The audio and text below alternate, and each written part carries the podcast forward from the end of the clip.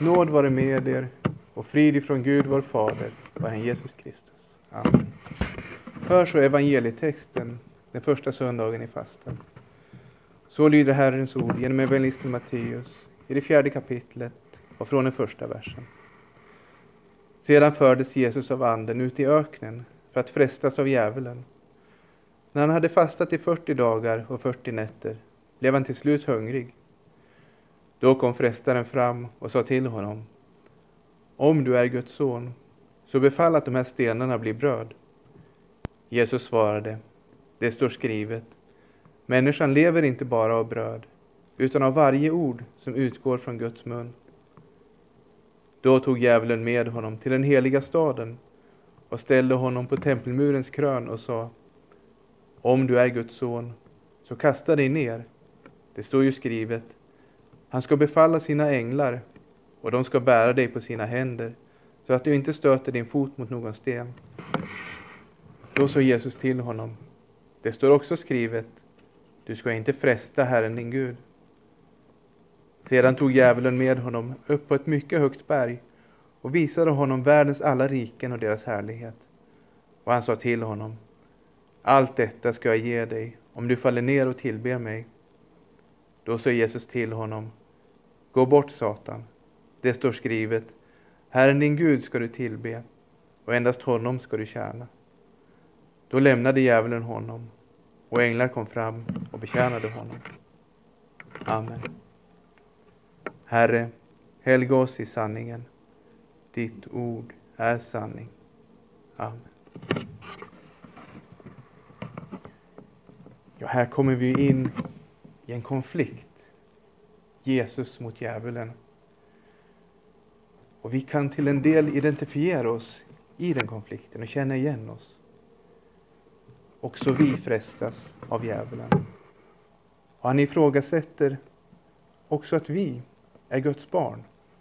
Liksom han här ifrågasätter att Jesus är Guds son. Samtidigt så är det en konflikt som först och främst handlar om att Jesus gör någonting för oss, utanför oss. Han är vår ställföreträdare. Har vi fallit för djävulens frestelser? Jesus har mött dem, utan att falla. Sedan fördes Jesus av anden ut i öknen. Och Matteus betonar med detta sedan att det här sker precis efter att Jesus döps av Johannes, det som berättas precis innan. Och det är en tydlig kontrast. Både i det yttre, det är vatten och öken, och i de ord som uttalas. Vid Jesu dop så hörs en röst från himlen. Han är min älskade son. I öknen försöker djävulen så tvivel på just detta. Om du är Guds son. Jesu dop är en viktig händelse i Jesu liv. Det här han framträder offentligt. Markus börjar sitt evangelium med Jesu dop. Här börjar evangeliet om Jesus Kristus, Guds son. Och så berättar han om hur Johannes döper och att Jesus kommer till honom och också blir döpt. Och Det innebär å ena sidan att Jesus identifierar sig med oss. Han ställer sig på vår sida tillsammans med alla oss syndare. Och å andra sidan så bekräftas han av Fadern och Anden så att vi ser hur han är skild från syndare. Och Gud har sin glädje i honom. Så framträder han alltså som vår representant som ska göra i vårt ställe det vi inte kunde göra. Och det första som sker är att han förs ut i öknen och frestas av djävulen. När vi nu läser om djävulens frestelser så ser vi att de är av olika slag. De två första de inleds med om du är Guds son. Och det är frestelser som handlar om att försöka förleda och tänka att det som är rätt och gott, det är sådant som är i strid med det som egentligen står i Guds ord. Här förställer sig djävulen till en ljusets ängel, som om han vill hjälpa till med det goda. Och Det är viktigt att lägga märke till detta. det som ofta frestar att gå bort från Guds väg, det är sådant som i sig kan vara gott. När Guds gåvor liksom får skymma Gud, eller när det jordiskt goda får skymma det andligt goda. Vi tar emot båda från Gud, men allt måste ha rätt plats. Till exempel så kan en kristen vara politiskt engagerad. Det är någonting gott. Det är bra om kristna är med och påverkar hur vårt land styrs.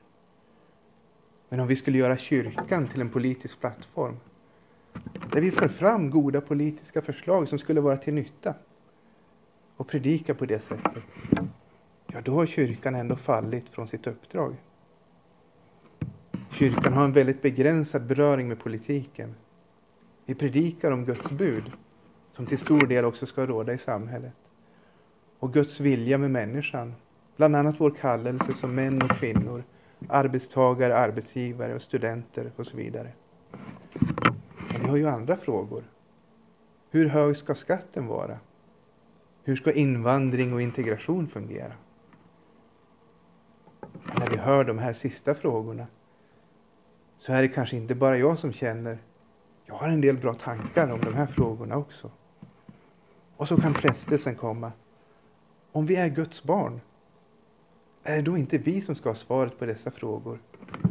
Ska inte kyrkan leda också inom politiken? Ja, det finns kristna som har goda svar på de här frågorna. Och även hedningar har goda svar. Men kyrkan ska hålla sig till det Gud befallt oss att tala om. Så vi inte låter någonting som är gott skymma det goda gett oss i uppdrag att hålla oss till. Uppdraget att ge näring åt det kristna livet genom att Guds bud får höras och Guds förlåtelse predikas. Djävulen utmanar Jesus att bevisa att han är Guds son genom att förvandla stenar till bröd. Det är som om han säger Varför skulle Guds son behöva gå hungrig?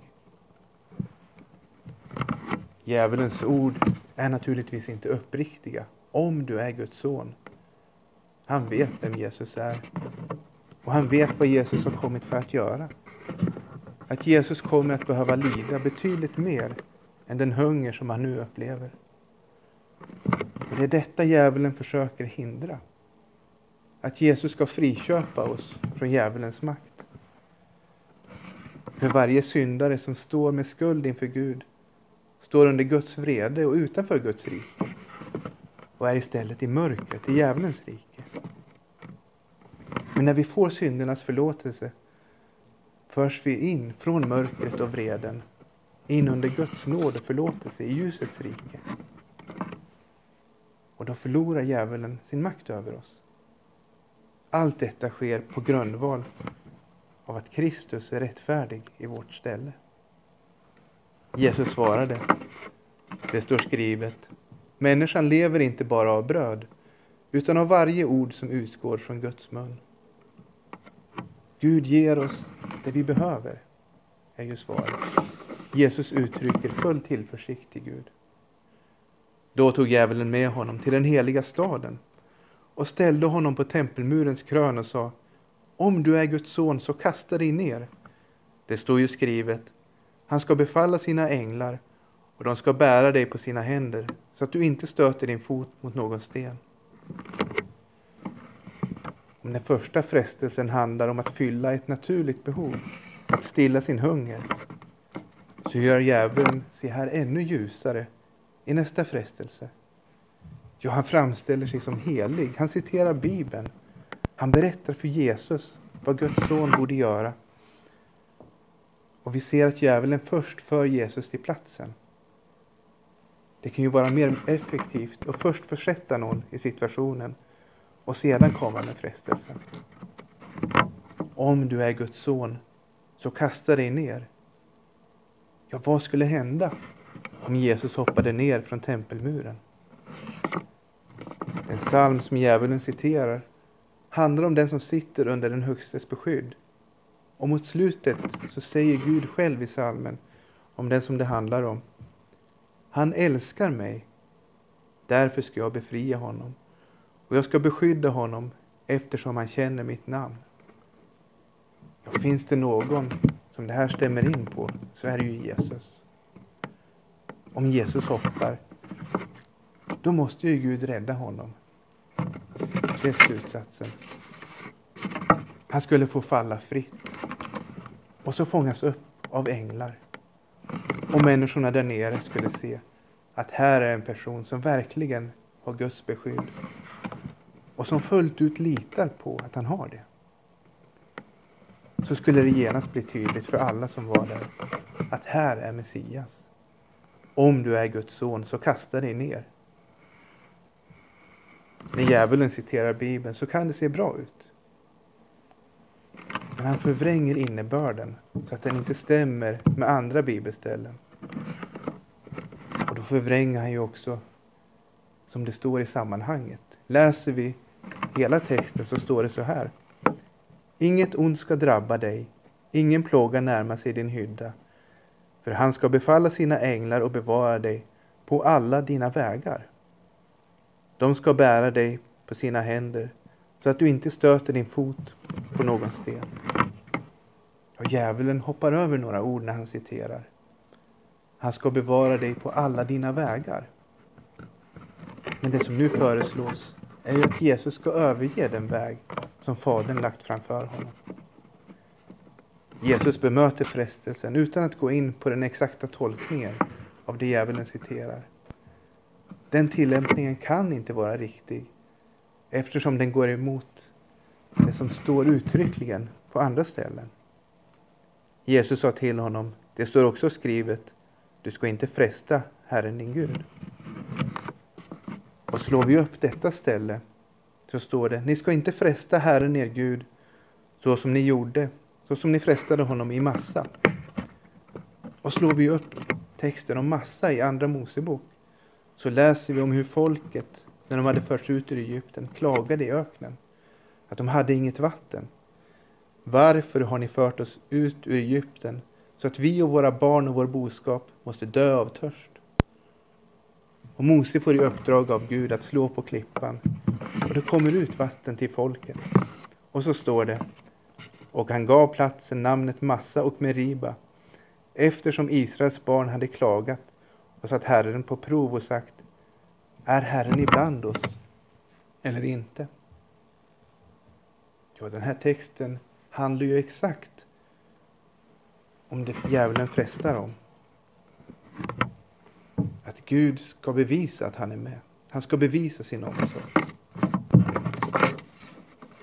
Och det är inte ett uttryck för tro, för tillit till Gud. Det är ett försök att manipulera och styra Gud. Att hänvisa till Guds ord, göra tillämpningar som inte är avsedda och lova saker Gud inte har lovat.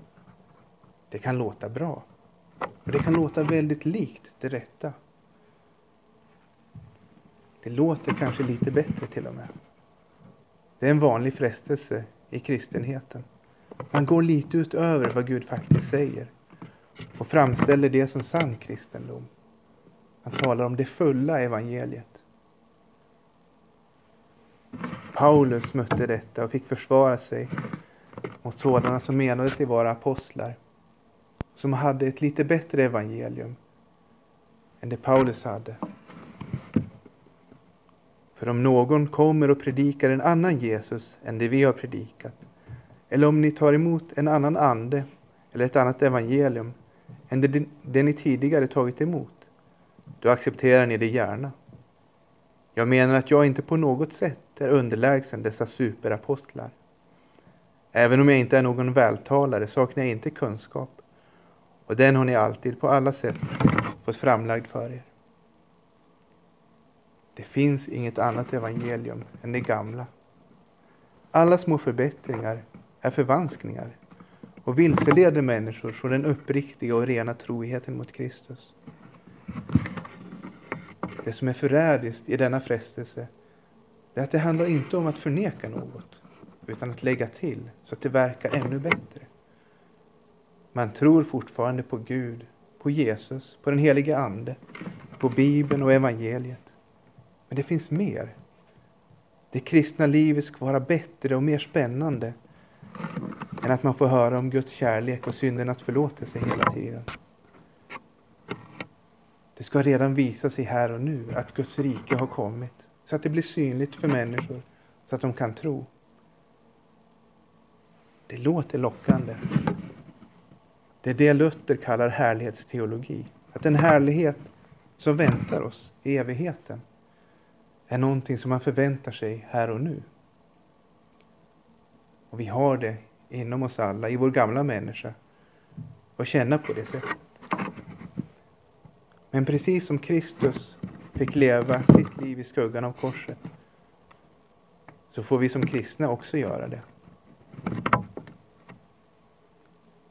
Skillnaden är att korset för Kristus innebar att han fick bära Guds fred och straff. Medan det för oss innebär nåd och förlåtelse. Men ser man till det yttre och inte till kärnan så kan det se torftigt ut. Vi lever ganska vanliga liv. Vi sitter och hör Guds ord, tar emot bröd och vin till syndernas förlåtelse, liv och salighet. Vi läser samma gamla bibel som har läst under århundraden. Härligheten är inte synlig nu. Det är i detta sammanhang Paulus skriver Satan själv förklär sig till en ljusets ängel. Då är det inte underligt att även hans tjänare förklär sig till rättfärdighetens tjänare. Men de ska få det slut som deras gärningar förtjänar. Men när det inte fungerar att förställa frestelsen till någonting gott så går djävulen ibland också rakt på sak. Sedan tog djävulen med honom upp på ett mycket högt berg och visade honom världens alla riken och deras härlighet och sa till honom Allt detta ska jag ge dig om du faller ner och tillber mig. Ja, nu säger han inte om du är Guds son. Det finns ju inget samband mellan att vara Guds son och tillbe djävulen. Tvärtom så måste det förtigas om frestelsen ska ha någon chans att fungera. Så gör djävulen också när han frestar oss ibland.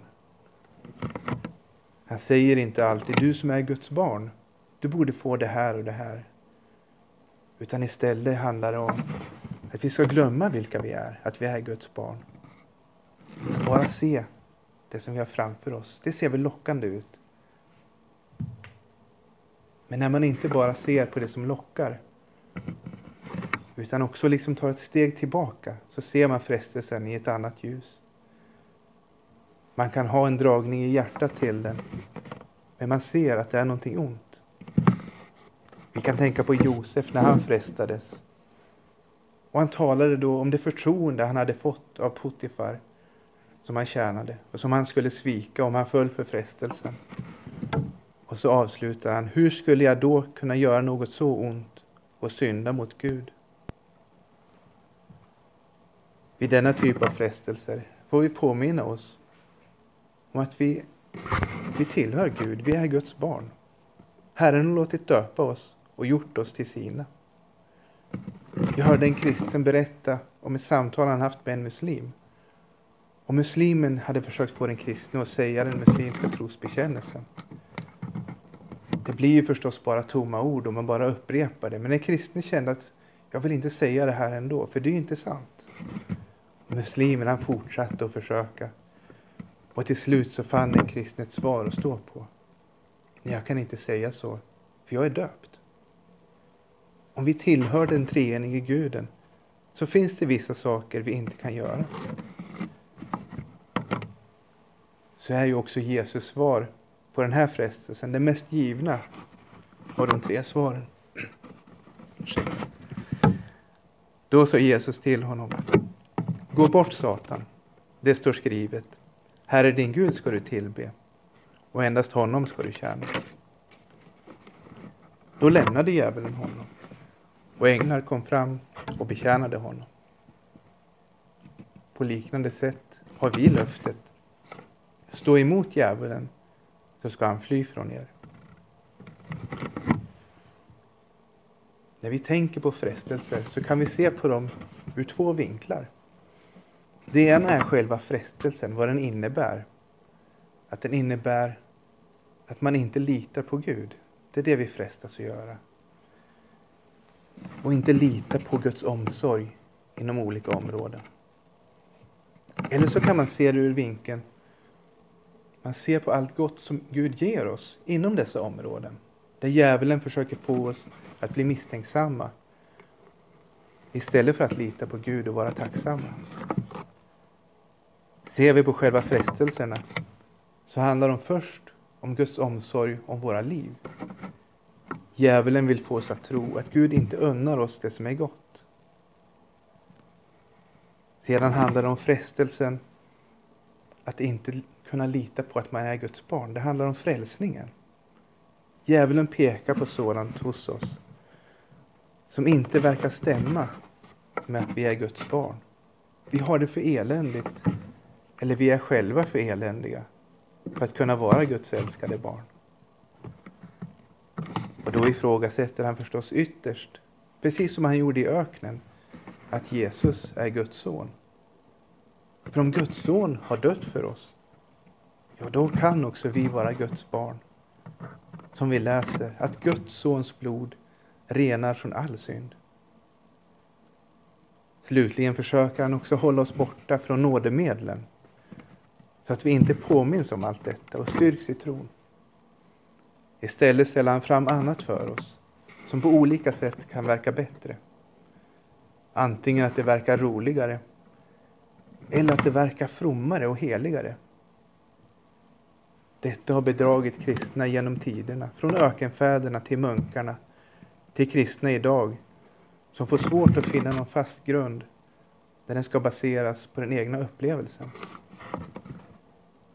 Vi har ett enkelt motemedel, både att avslöja dessa frestelser och att bli styrkta i vår förtröstan på Gud som vår himmelske fader. Vi har det i Guds ord och det sammanfattas fint i trosbekännelsen och i förklaringen till trosbekännelsen i katekesen. Vi har det när det gäller nådemedlen. Jag tror att jag inte av mitt eget förnuft eller av min egen kraft kan tro eller komma till min Herre Jesus Kristus, utan den heliga Ande har kallat mig genom evangelium, upplyst mig med sina gåvor, helgat och bevarat mig i den rätta tron. Vi har det när det gäller frälsningen.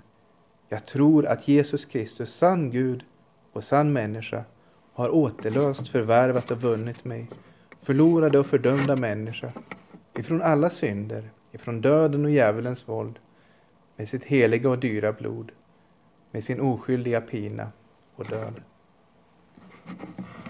Vi har det när det gäller omsorgen i vardagen. Jag tror att Gud har skapat mig, gett mig kropp och själ, ögon, öron och alla lemmar, förnuft och alla sinnen, och att han alltjämt uppehåller mig. Dessutom försörjer han mig varje dag rikligt med mat och kläder, hus och hem och allt vad jag behöver till mitt livsuppehälle. Han beskyddar mig för allt farligt och bevarar mig för allt ont.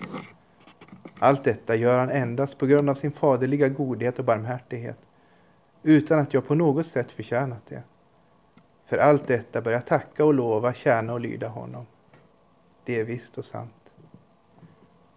Så vad gör vi då, när vi kan uppleva något av den konflikt vi läste om och känna att den gäller också oss? Hur möter vi djävulens frestelser? Ja, vi såg att Jesus avslöjar dem med Guds ord. Allt kommer i ett annat ljus när vi ser vad Gud säger. Och då ser vi att vi har, vi har en kamp att utkämpa. Men den verkliga striden har Jesus vunnit. Han hade inte behövt födas, frestas i öknen eller gå till korset. Men om han inte hade gjort det så hade vi varit kvar i vår synd. Nu har han tagit all vår synd. Har vi fallit för frestelser? Har vi en syndig natur så att våra egna hjärtan frestar oss? Jesus föll aldrig. Han hade bara goda tankar och begär i sitt hjärta. När vi ser hur han frestas i öknen så ser vi hur han också där är vår rättfärdighet och på väg mot en seger som den tomma graven vittnar om. Lika rena som vi ser att han är, lika rena räknas det som att vi är. Alla ni som blivit döpta till Kristus har iklätt er Kristus. Amen.